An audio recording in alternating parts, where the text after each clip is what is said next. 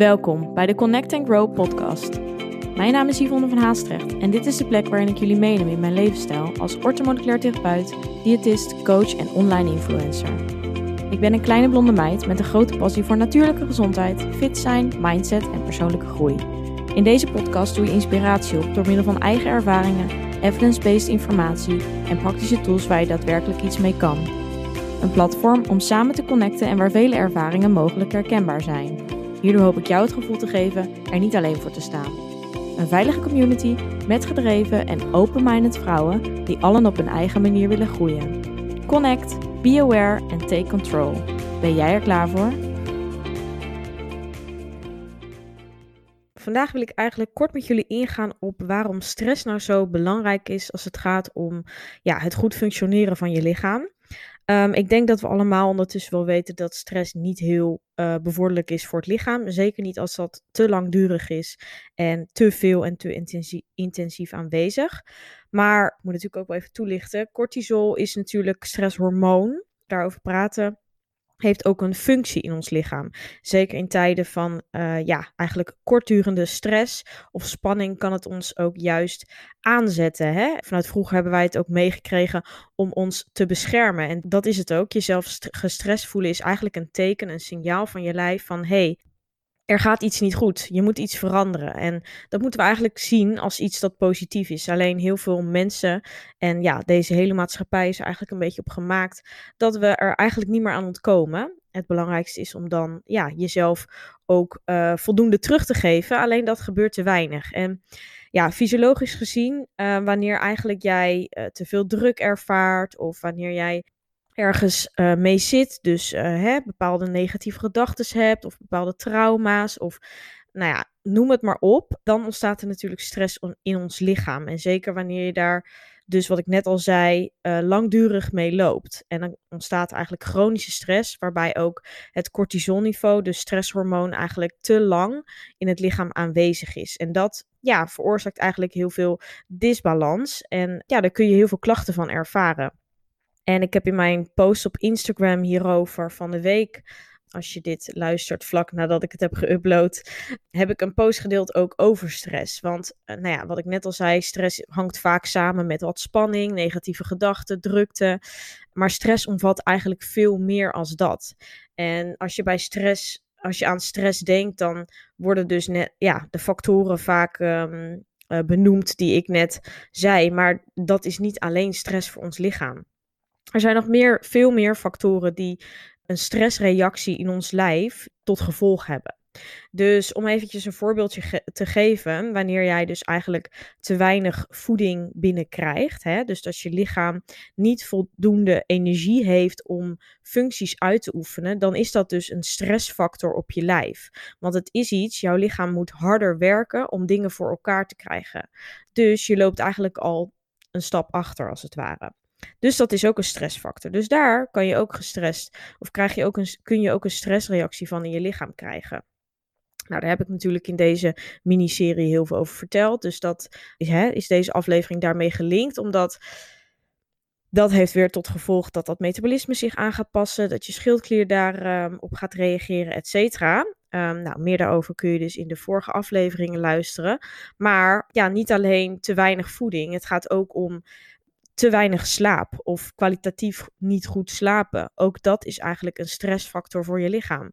Omdat s'nachts is eigenlijk de tijd dat jouw lichaam herstelt en uh, cellen herstellen. En eigenlijk je lichaam geherprogrammeerd wordt om weer klaargemaakt te zijn eigenlijk voor een nieuwe dag. En wanneer dat niet goed gebeurt of onvoldoende, of in te weinig uren, hè, er zijn meerdere mogelijkheden, dan is dat dus ook een stressfactor op het lichaam. Want ook dan begin je dus met een achterstand aan jouw dag en is jouw herstel, jouw herstel niet goed genoeg geweest. Dus ook dat is een stress, stressfactor die ervoor zorgt dat ook cortisol kan worden aangemaakt. Met name ook bij slaap zie je vaak dat het ook het hele bioritme daardoor verstoord raakt. Dus dat juist wanneer mensen opstaan, totaal hun bed niet uit kunnen komen. En juist dat als ze s'avonds naar bed willen gaan, ze nog helemaal aanstaan en niet kunnen slapen. Dat komt omdat normaal gesproken wil je juist dat cortisol in de ochtend hoog is. En in dit geval heeft dat dus ook een, een functie en is het ook eigenlijk fijn. Want door hoge cortisol kun je dus goed opstaan en word je kun je opgewekt wakker worden. Maar naarmate de dag wil je dat het cortisolniveau steeds meer daalt. En dat dalen, dat is dus wat bij veel mensen niet gebeurt. Waardoor je dus die cortisol hoog blijft, doordat er stress aanwezig is. En daardoor kun je dus niet in slaap komen. En dan kom je eigenlijk in een hele vervelende vicieuze cirkel. Want probeer dat maar eens uh, ja, te doorbreken. En dan is het juist heel belangrijk om echt Um, nou ja, voeding is daar dus een onderdeel van. Voornamelijk dus de oorzaak van stress aan te pakken. Echt een avondroutine te creëren. Jezelf iedere keer stipt op een bepaalde tijdstip, liefst tien uur, half elf, eigenlijk naar bed te krijgen.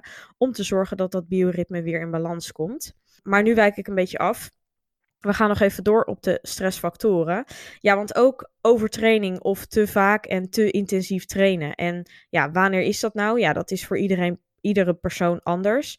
Maar er zijn natuurlijk wel genoeg tekenen die bij jou er kun, kunnen aangeven of signalen kunnen geven, waardoor je dus eigenlijk te veel sport. Of um, hè, als je bijvoorbeeld merkt dat je te lang spierpijn aanhoudt, of dat je juist jezelf constant futloos voelt, dat je uh, snel geblesseerd raakt, dat je ja, ook je gemoedstoestand eronder gaat leiden, dat je jezelf echt moet slepen naar bijvoorbeeld de sportschool of naar de sport. Um, naar hè, gewoon de, de, de voetbaltraining of weet ik het wat. Ja, dat, dat geeft al aan, zeker als je dus van jezelf weet dat je sporten ook wel heel leuk vindt. Ja, dat je lijf meer rust nodig hebt, dus meer hersteldagen. En als je daar dus niet naar luistert en continu maar steeds daardoorheen gaat en jezelf daardoorheen sleept. En dat zie je juist bij mensen die meestal uh, heel gemotiveerd zijn, gedisciplineerd en het vol willen houden, die denken van nou, hè, hier moeten we even doorheen. Ja, die slaan daar juist vaak in door. En op een gegeven moment dan uh, ga je jezelf daarin een beetje aan voorbij. En wordt het een enorme stressfactor voor je lichaam, maar ook voor je hoofd. En dat willen we natuurlijk ten alle tijde dus voorkomen. Maar ook als we het kijken naar gewoon tekorten in het lichaam. Dus vitamine-tekort, mineralen-tekort. Ook dat zijn stressfactoren in het lichaam. Want wat ik net al zei, met al deze dingen, als er een tekort is, dan moet je lijf het ergens anders vandaan gaan trekken. Jouw lichaam gaat compenseren. Dus hè, dat zie je vaak bij mensen die bijvoorbeeld veel stress hebben. Zie je veel, wat je vaak terug ziet komen, is veel haaruitval. Ja, haren is iets wat je, of haar, huid en nagels überhaupt, uh, of gelukshormonen, dat zijn dingen die je lijf niet per se nodig heeft om te overleven. Dus het lichaam gaat altijd kijken wat jij nodig hebt om zo goed mogelijk in leven te blijven, als het ware. En nou ja, jou een volle bos haren bezorgen is niet per se nodig om jou je goed te laten voelen. Dus wat je vaak ziet is dat dat soort functies dan worden uitgeschakeld als een gevolg van misschien wel een vitaminetekort. Dus um, ja, dat zijn dingen om over na te denken ook wat tekenen waarbij, waaraan je dat dus kan herkennen. Uh, mega interessant. Maar ook dat dus een vitamine, mineralen tekort of andere tekorten, buiten dus alleen al een energietekort, is dus ook een stressfactor op het lichaam. Dat kan dus ook heel onbewust aanwezig zijn. Hè? Dus een energietekort kun je misschien nog wel voelen. Vitaminetekort hoef je niet per se te voelen. En bijvoorbeeld hè, als je haaruitval hebt, dan eh, heb je misschien al jaren of al een hele lange tijd, waardoor je denkt van nou, dat hoort gewoon bij mij of zo dan ga je er ook aan wennen. Dus dan herken je dat ook niet als per se misschien een stressfactor. Dus dan is het voornamelijk een onbewust iets wat aanwezig is en wat je eigenlijk wel nog zou kunnen verbeteren. Uh, maar ook natuurlijk als we het hebben over darmklachten. Hè. Dit is ook echt een enorm grote stressfactor voor het lichaam. Omdat 80% van het immuunsysteem wordt bepaald door je darmen. Nou, dit geeft al aan hoe belangrijk het is om die darmen dus gezond te houden en goed te kunnen laten werken. Omdat um, ja, dit anders voor superveel disbalans in het lichaam zorgt. En ervoor zorgt dat dus je immuunsysteem verzwakt. Nou, en dat kan op lange termijn veel meer gevolgen hebben. Waardoor ja, je bent snel vatbaar. Bacteriën, virussen, die uh, worden veel minder goed het lichaam uit uh, verwijderd. Kan uh, voornamelijk ook huidklachten geven, eczeemklachten. Daar langer mee loopt ook psoriasis, nou, dat soort dingen. Het staat allemaal in, in relatie met elkaar. En ja, als jouw darmen niet goed werken, dan is je vertering, je spijsvertering natuurlijk niet goed. En dat levert ook enorm veel stressklachten op. Andersom hetzelfde. Hè? Stressklachten geeft ook um, heel veel darmklachten. Dus ook dat is weer een relatie. Dus soms is het ook echt even puzzelen waar het precies uh, uh, de exacte oorzaak ligt en hoe je het kunt aanpakken. Maar vaak is het ook een combinatie van. En uh, ja, dat, uh, als je daarmee aan de slag wil, zeker darmklachten en stressklachten, dan uh, ga je zeker iets hebben aan mijn SOS darmklachten e-book. Die heb ik natuurlijk gemaakt. Daar kun je daar uh, volledig in detail um, op ingaan. Aankomende vrijdag trouwens, met Black Friday, doe ik een korting op het e-book. Dus ook op andere artikelen binnen mijn webshop. Dus mocht je dat interessant vinden, zou ik zeker eventjes daarop wachten. Want het is een hele mooie korting. Heel veel mensen hebben hier natuurlijk wat aan. En ik wil jullie natuurlijk allemaal helpen. Dus um, ja, neem zeker eventjes een kijkje. Darmklachten en stressklachten zijn gewoon mega onderdeel van je gezondheid. En dat kan zoveel invloed hebben ook op je mentale gemoedstoestand. Oké, dus uh, ja, nu we wat meer voorbeelden hebben van wat eigenlijk dus nog meer stress inhoudt voor het lichaam, uh, kun je misschien bij jezelf ook wat meer nagaan van, hey, heb ik überhaupt stress? Ja, en die stress, wat ik net al zei, is gewoon zo ontzettend belangrijk om je gezondheid dus op peil te houden. Omdat stress zorgt dus voor meer aanmaak van cortisol. Zorgt er vaak voor dat hormonen uit balans raken. Omdat het eigenlijk moet gaan concurreren met andere hormonen. En uh, dat zorgt vaak voor een enorme disbalans. En waarom staat dit nou eigenlijk in relatie tot dat ook dat metabolisme hè, met die schildklier? Dat komt gewoon omdat cortisol dus ook heel erg ervoor zorgt dat schildklierhormoon dus niet of minder wordt afgegeven. Dus daardoor gaat ook die schildklier weer dus minder hard werken, waardoor dus die metabole processen, zoals ik uitleg in de vorige afleveringen, minder goed werken. Dus daardoor wordt je temperatuur minder goed onderhouden, daardoor kun je last krijgen van dus koude handen en voeten.